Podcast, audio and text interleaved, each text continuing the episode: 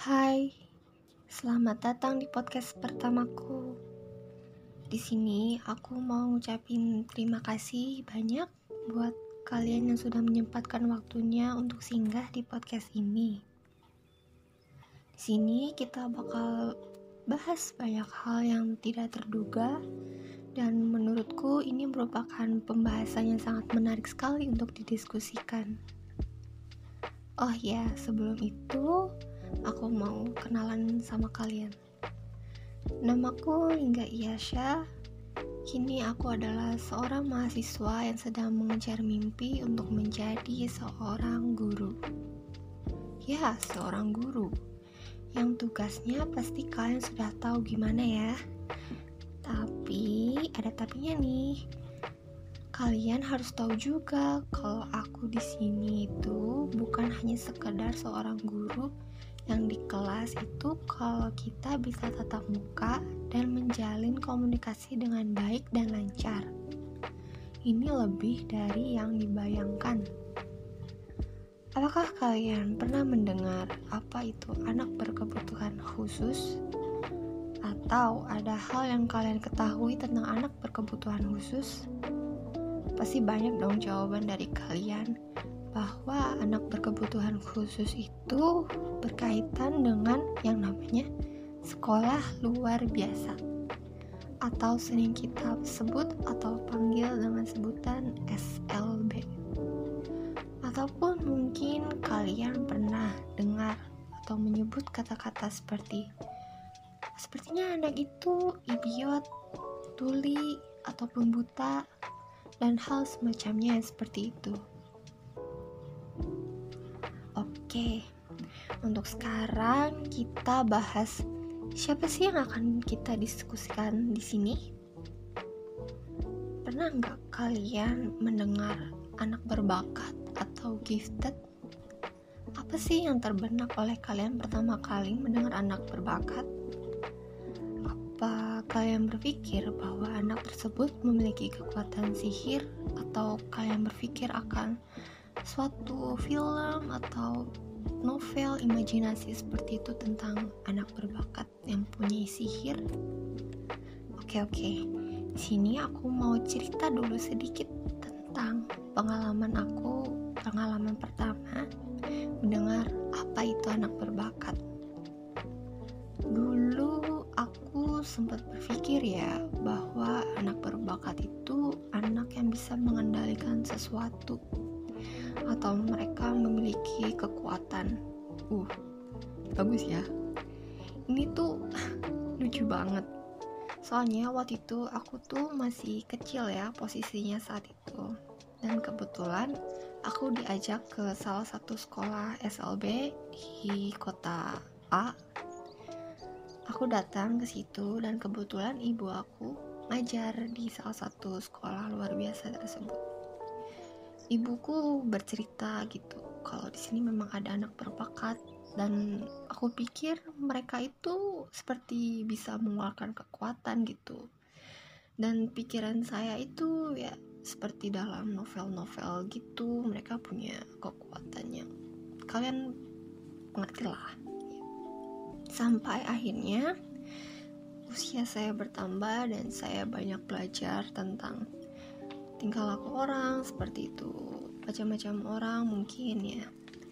Ada satu film yang judulnya itu The Gifted yang di mana memang artinya adalah anak berbakat.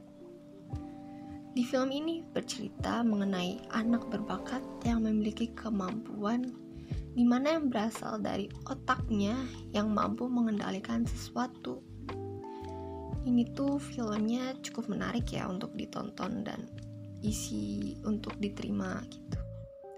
Setelah itu aku emang menyetujui bahwa anak tersebut saking pintarnya bisa mengendalikan sesuatu karena ya memang bermainnya dengan otak otomatis mungkin dia saking pintarnya bisa melakukan hal-hal yang di luar batas tingkat nalar manusia seperti itu setelah itu ya saya mencoba mencari tahu apa sih? Anak berbakat? Hmm, apakah memang benar anak berbakat itu yang seperti aku lihat di film-film atau di novel? Tapi kalian tahu gak sih? Nyatanya memang tidak seperti itu. Setelah aku melihat berbagai referensi tentang anak berbakat mulai dari internet buku mungkin cerita-cerita tentang guru-guru di SLB ternyata semuanya itu berbanding terbalik dengan yang di film. Aku kayak ketawa banget gitu. Kayak kok aku bisa sih mikir kejauhan gitu? Padahal kan itu cuman film gitu yang otomatis cuman imajinasi dari si penulis. Sedangkan anak berbakat yang di sekolah ataupun di lingkungan masyarakat itu berbeda dengan yang ada di film seperti itu. Nah, dari situ aku banyak belajar mengenai anak berbakat ini, mencari dan mendalami lebih jauh materi. Ternyata yang dimaksud anak berbakat di sini adalah anak yang memiliki kemampuan atau potensi unggul dan mampu memberikan prestasi yang tinggi. Bakat yang merupakan kemampuan bawaan yang dibawa dari lahir. Anak berbakat memiliki kemampuan umum dan kecerdasan di atas rata-rata. Memiliki kreativitas dan tugas perkembangan yang di atas kemampuan rata-rata benar-benar terbalik bukan dengan pikiranku yang dulu. Lalu untuk istilah anak the gifted ini atau kita sering panggil dengan anak berbakat ini dalam bahasa Indonesia pernah baca ini sering digunakan untuk menyebut anak berbakat luar biasa dan untuk anak-anak jenius. Beberapa kali ahli juga ya sering berbagi pengalamannya tentang apa sih itu anak berbakat dan mereka memiliki IQ yang di atas rata-rata yaitu sekitar 130 sampai 150 ke atas. Mari kita sekarang mencoba mengenali anak berbakat lebih dalam lagi ya. Anak berbakat di sini yang memiliki bakat istimewa umumnya bukan hanya dapat belajar dan mengolah informasi secara lebih tepat dibanding teman-teman sebayanya, tetapi juga sering menggunakan cara yang berbeda dan membuat guru di sekolah mengalami kesulitan. Bahkan sering merasa terganggu dengan anak-anak seperti itu. Mengapa mereka terganggu ya? Lantas, sekarang bagaimana dengan layanan pendidikan bagi anak berbakat yang di mana aku angkat menjadi tema dalam podcast ini? Pada tahun 1826, Thomas Jefferson pernah mengajukan konsepnya yang dikenal dengan istilah diffusion of education yang menekankan bahwa setiap orang seharusnya mendapatkan kesempatan untuk mengembangkan bakat-bakat yang tidak sama, sehingga mereka pun akan menerima pelayanan pendidikan yang sesuai dengan kebutuhannya. Demikian pula halnya dengan anak-anak gifted ini atau anak berbakat ya. Sudah seharusnya dan sepantasnya sih mereka mendapatkan layanan pendidikan yang sesuai untuk menumbuhkan kembang potensi keterbakatan yang mereka miliki.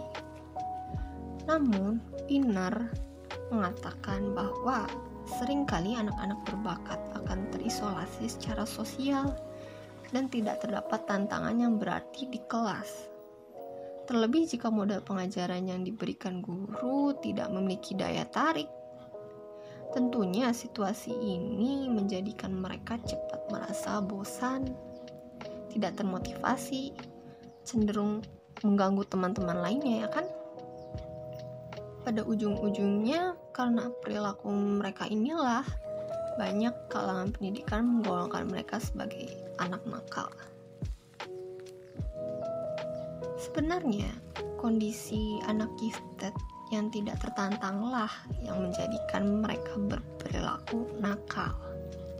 Polos sekolah, mengganggu teman, atau bersikap pasif seperti itu. Untuk itu, sudah seharusnya kepada mereka diberikan layanan pendidikan yang dapat menarik minat mereka, menantang dan meningkatkan daya kreativitas mereka juga perlu. Model pendidikan tradisional dengan memasukkan mereka pada sekolah reguler memiliki titik lemah. Pertama, anak berbakat mungkin akan mengalami frustasi karena ya mereka tidak dapat layanan pendidikan yang mereka harapkan. Yang kedua, karena rasa frustasi mereka ini. Mereka perilaku yang justru muncul adalah perilaku mengganggu teman-temannya. Dan jika ini terjadi dengan sendiri, kelas juga akan merasa terganggu. Ya, mungkin memang seperti itu ya. Jadi, mungkin mereka karena merasa bosan dan pembelajaran yang tidak diharapkan mereka mengganggu teman-teman dan si isi kelas dan membuat kelas merasa ya kacau. Mungkin seperti itu. Dan yang ketiga ini ya memang munculnya rasa bosan yang pada akhirnya menjadikan mereka untuk enggan masuk kelas. Yaitu berarti mereka itu memang bolos pada saat itu dan memilih untuk melakukan hal lain yang menurut mereka itu bisa membantu mereka meningkatkan potensi yang mereka miliki. Untuk itu, bagi mereka yang diidentifikasi memiliki keterbakatan ini, maka layanan pendidikan yang didapat antara lain yang pertama, mengelompokkan pada kelas khusus yaitu di mana siswa diidentifikasi memiliki keterbakatan dimasukkan ke dalam kelas khusus dengan peserta didik yang memiliki tingkatan kemampuan yang sama. Jadi mereka terlebih dahulu mungkin sebelum masuk sekolah mereka diadakan tes terlebih dahulu apakah anak tersebut memiliki potensi di atas rata-rata atau memang dia hanya normal seperti biasa seperti itu. Dan kemungkinan jika dia memang terdeteksi memiliki keterbakatan, maka anak tersebut akan dikelompokkan dalam kelas yang sesuai seperti anak tersebut dan mereka dapat sama-sama mengembangkan potensinya yang dimiliki. Tentunya desain kelas khusus bukan hanya sekedar mengelompokkan anak gifted dalam kelompok yang sama, tetapi juga mendesain ulang model belajarnya kurikulum yang digunakan, sistem evaluasi yang diterapkan, dan model pemberian tugas. Lalu selanjutnya ada mengadakan program akselerasi. Biasanya ya di sekolah-sekolah tertentu itu masih ada program akselerasi itu. Kayak intinya program akselerasi itu percepatan pembelajaran ya berarti di sini program akselerasi itu dimaksudkan adalah memindahkan murid secepat mungkin sesuai dengan kemajuan belajar dan kemampuan yang dimiliki individu belajar. Pemindahan dalam proses ini memasukkan siswa belajar pada kelas sesuai dengan kemampuan yang dimiliki oleh yang bersangkutan. Jadi mereka memang pada satu kelas itu isinya mereka yang memiliki potensi yang sama seperti yang awal tadi. Dan ini biasanya memang terjadi di beberapa sekolah ya. Dengan adanya melakukan tes terlebih dahulu baru mungkin mereka bisa dipindahkan ke kelas akselerasi. Lalu untuk yang tadi udah dua ya sekarang untuk yang ketiga. Untuk yang ketiga ini ada homeschooling yaitu pendidikan non-formal di luar sekolah.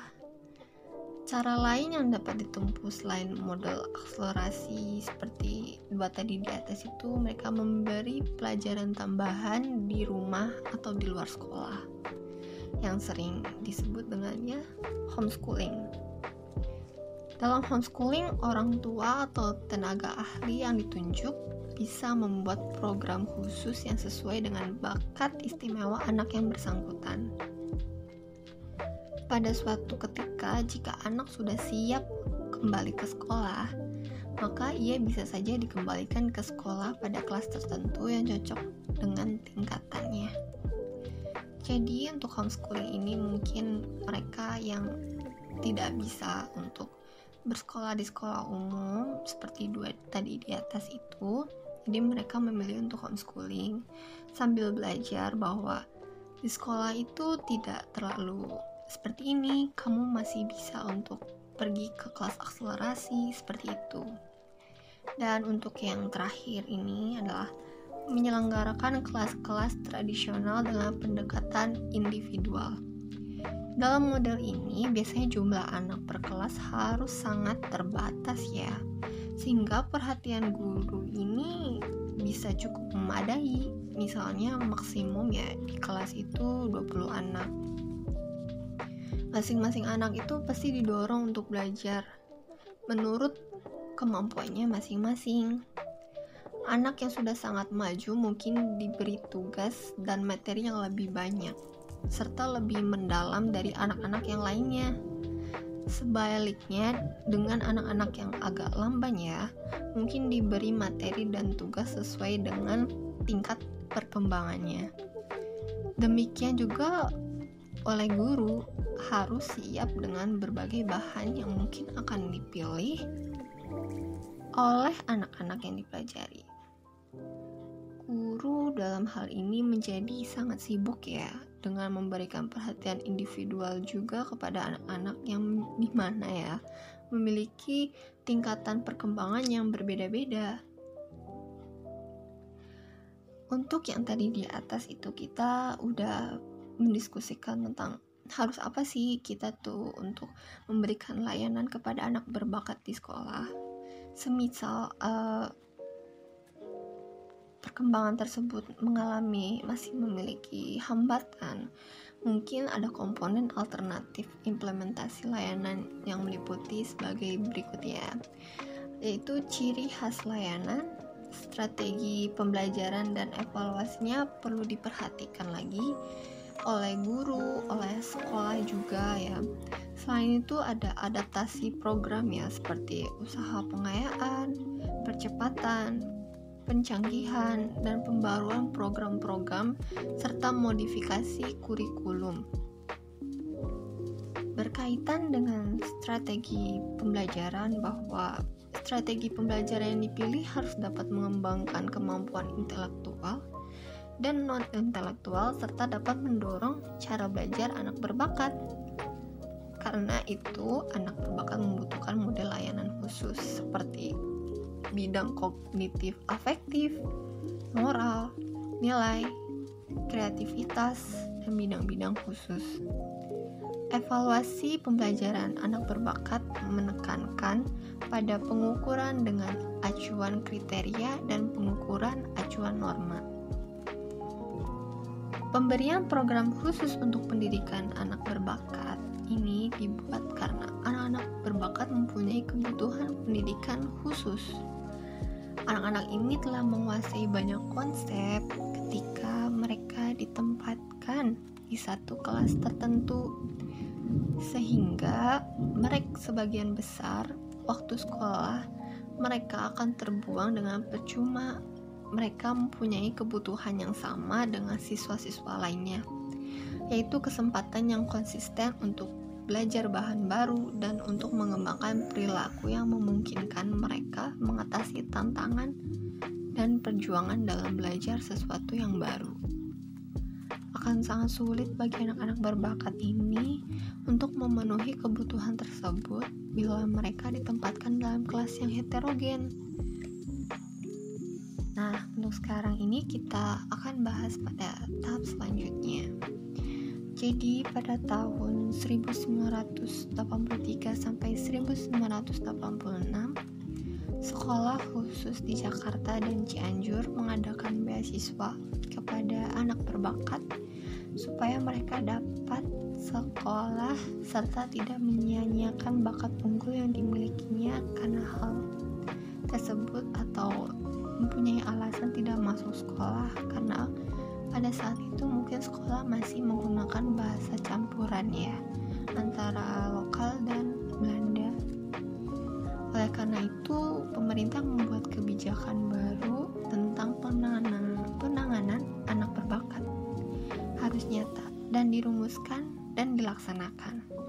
Kebijakan umum telah digariskan, yaitu tertera pada Undang-Undang Nomor 2 Tahun 1989. Pertama, menyusun kurikulum. Pendidikan khusus anak berbakat kurikulum berorientasi pada pengembangan siswa menjadi manusia seutuhnya. Dengan mengembangkan aspek biologis, rasio, sosial, dan spiritual siswa secara integratif. Modal-modal pendidikan yang dikembangkan adalah mendirikan sekolah khusus untuk anak-anak berbakat ya. Artinya memang sekolah tersebut hanya berisikan anak-anak berbakat. Bisa pula dengan memanfaatkan sekolah-sekolah yang sudah ada dan memberikan pelayanan khusus bagi siswa yang berbakat mereka dikembangkan dan mengikuti sistem percepatan atau loncat kelas ya kalau misalnya dia ikut akselerasi serta adanya pengayaan atau pelajaran tambahan di luar sekolah. Yang kedua, mengingatkan anak berbakat bukan hanya anak yang unggul dari segi kecerdasan saja, tapi juga yang unggul dalam hal kesenian, olahraga, dan kepemimpinan. Maka pelayanan khusus juga diberikan kepada anak-anak berbakat tersebut. Jadi ya memang ya bukan hanya sekedar untuk mereka yang memiliki IQ di atas rata-rata, tapi mereka juga memiliki kemampuan seperti mereka bisa kesenian, olahraga, ataupun bakat-bakat kepemimpinan lainnya yang membantu mereka menggali lagi potensi lebih dalam. Lalu yang ketiga yaitu siswa-siswa yang direkrut bukan hanya siswa-siswa yang benar-benar berprestasi unggul, tetapi juga ya siswa-siswa yang berprestasi unggul juga karena ya selain memiliki potensi kita juga harus berprestasi karena uh, bakat-bakat tersebut harus kita kembangkan dengan cara mengikuti kompetensi atau hal-hal semacam latihan seperti itu. Lalu yang keempat ada kriteria utama yang digunakan untuk menilai keberbakatan adalah dengan kecerdasan seperti IQ di atas 130 dan juga memiliki kreativitas. Kedua kriteria tersebut adalah kriteria yang harus ada. Jadi memang keduanya ini harus saling berkaitan atau berhubungan. Kayak gitu kelima ini adalah perlunya dibentuk tim khusus oleh Depdikbud untuk mengelola proyek strategis ini sekaligus mewujudkannya. Yang keenam, melibatkan pihak swasta seperti lembaga pendidikan, jembatan sosial, maupun jembatan ekonomi untuk terlihat terlibat dalam penanganan anak-anak berbakat. Lalu yang terakhir, yang ketujuh adalah penanganan atau pengelolaan anak-anak berbakat ini perlu dilakukan dengan menganut sistem desentralisasi. Pemerintah pusat lebih berperan sebagai pendorong ya dan serta juga pengawas. Sementara penanganan operasional lebih diserahkan kepada lembaga-lembaga seperti pemerintah, daerah, atau lembaga-lembaga pendidikan. Dan sekitar terakhir ya pada Desember tahun 2019, pemerintah mencoba mendiskusikan kembali tentang anak berbakat. Pemerintah akan memfasilitasi anak berbakat di Indonesia untuk bisa memiliki kesempatan bersaing di level dunia melalui wadah manajemen talenta nasional atau disingkat dengan MTN. Rapat diskusi yang dihadiri oleh beberapa menteri seperti Menteri Tenaga Kerja Ida Fauzia, Menteri Perencanaan Pembangunan Nasional atau Badan Perencanaan Pembangunan Nasional yaitu Suharso Monoarfa dan Menteri Pendidikan dan Kebudayaan yaitu Nadiem Makarim. Sementara datang pula perwakilan dari Kementerian Perindustrian, Kementerian Riset dan Teknologi, dan Kementerian Pemuda dan Olahraga. Muldoko menyampaikan dalam rapat ini bahwa MTN ini diperlukan karena selama ini banyak talenta Indonesia yang belum terdata dengan baik dan terserah di berbagai lembaga bergengsi di dunia. Seringkali banyak anak Indonesia punya bakat istimewa, namun ya tidak bisa berkembang karena ekosistem yang belum mendukung. Kini saatnya bagi Indonesia untuk menciptakan lingkungan yang kondusif dan mendukung mereka menjadi bersinar. Langkah-langkah pembentukan MTN kini semakin matang. MTN akan masuk tahap pembentukan gugus tugas pada Januari kemarin tahun 2020. Setelah itu bakal diperkuat dengan basis data talenta nasional 6 bulan kemudian. Setelah itu akan digelar Festival Talenta Nasional pada Agustus kemarin dan pada akhir 2020 skema talenta dan desain akhir MTN harus rampung. Pada kesempatan itu, Menteri Nadiem Makarim yakin bahwa MTN ini bakal meningkatkan fasilitas anak Indonesia di panggung nasional dan dunia. Nantinya bukan hanya soal ekonomi yang dibutuhkan anak muda, inspirasi juga tak kalah penting. Menteri Suharsono Mono Arfa pada kesempatan itu mencontohkan sejumlah anak Indonesia yang kini punya karya besar dunia namun tidak terpantau. Ya memang betul. Mereka memiliki banyak potensi. Hanya saja mungkin pemerintah belum menemukannya. Jadi mereka memilih untuk diam karena ya pemerintah masih belum uh, mengembangkan atau menyebarluaskan tentang ini lembaga MTN ini. Nah tadi itu adalah bagaimana gambaran layanan pendidikan untuk anak berbakat, baik di sekolah maupun dari daerah pemerintah. Kita bisa lihat nilai positif dan negatif dari layanan pendidikan yang diberikan kepada anak berbakat di sini ya. Untuk nilai positif, semakin banyak perkembangan yang pesat, kemudiannya juga berbagai pihak terhadap anak berbakat, mulai dari menyediakan undang-undang untuk anak berbakat, persiapan kurikulum, penggolongan layanan juga sudah memiliki banyak pilihan, juga alternatifnya.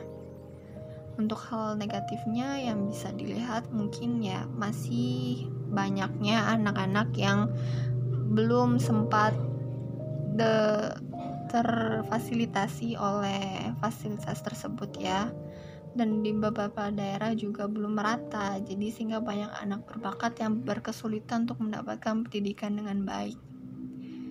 Tak terasa ya waktu mungkin sudah berlalu cukup lama. Kita telah berdiskusi mengenai anak berbakat itu apa, bagaimana dengan layanan pendidikan yang diberikan oleh sekolah juga pemerintah, serta bagaimana nilai positif dan negatif yang dapat diambil saran aku sih sebagai calon guru ya setelah menelaah dan berdiskusi hal ini yang perlu ditingkatkan lagi adalah tingkatkan penyebaran layanannya lagi ke daerah-daerah yang jarang atau minim layanan tersebut serta meningkatkan jumlah guru agar mampu memajukan anak-anak berbakat menjadi pondasi negara dan bangsa yang lebih baik lagi mungkin kita sudah sih saja ya diskusi kali ini. Aku harap kalian senang dan enjoy sama podcast dengan tema kali ini.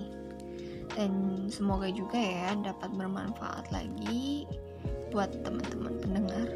Sampai bertemu lagi dalam podcast Maraya Bersua.